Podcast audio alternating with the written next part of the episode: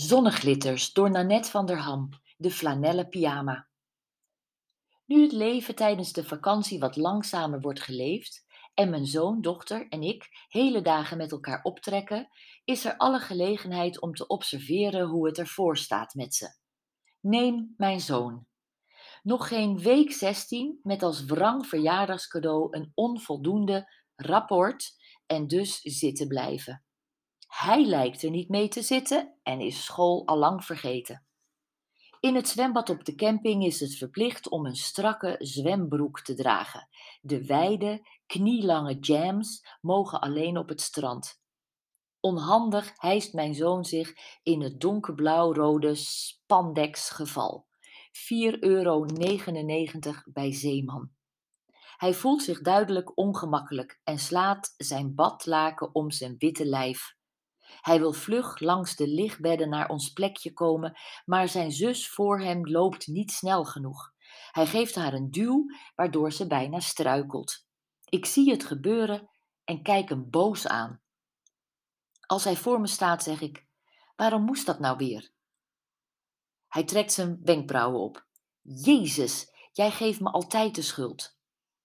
Hij gaat op zijn lichtbed zitten en ik zucht. Rechtop, zijn rug staat zo krom als een hoepeltje.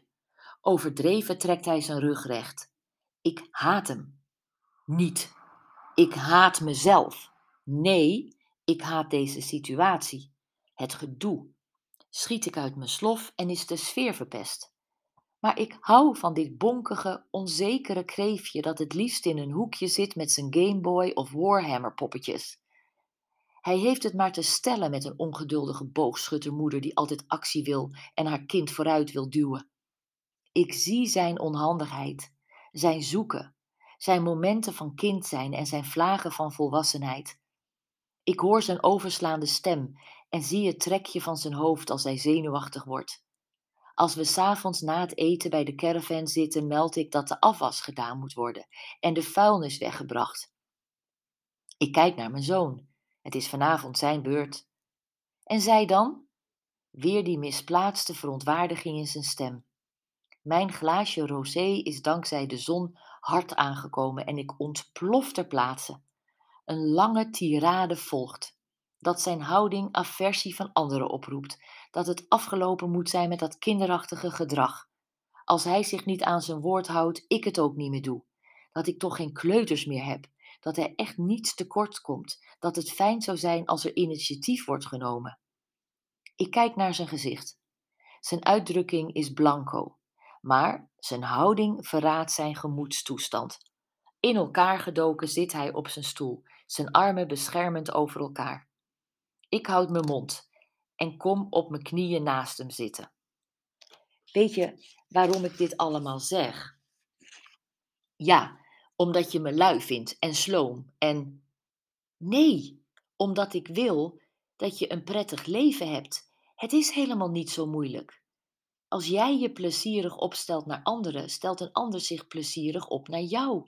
De leraren, je vader, je zus, iedereen. Ik. Ik weet niet meer wat ik zeggen moet en voel dat ik te ver ben gegaan. Het klinkt alsof ik zo teleurgesteld ben in hem en het erge is Misschien is dat wel zo. Mijn woorden kunnen harder aankomen dan zweepslagen, en ik zie aan het verongelijkte koppie van mijn zoon dat hij van streek is.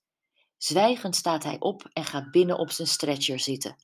Hij trekt zijn flanellen pyjama aan, waarin hij eruit ziet als een knuffeldier en kruipt onder zijn laken. Ik kom bij hem in de voortent zitten. Soms komen de woorden rottig mijn strot uit, zeg ik, en leg mijn hand op zijn voorhoofd. Wat vind ik het toch soms een moeilijk vak, moeder zijn. Ik sla voor mijn gevoel zo vaak de plank mis. En als ik zie wat ik aanricht, heb ik spijt. Mijn zoon sluit zijn ogen. Ik hou van je, zeg ik zachtjes en wil hem een kus geven. Hij slaat zijn ogen op en kijkt me een tijdje aan. Toe, zegt hij en richt zich op om zijn lippen op de mijne te drukken.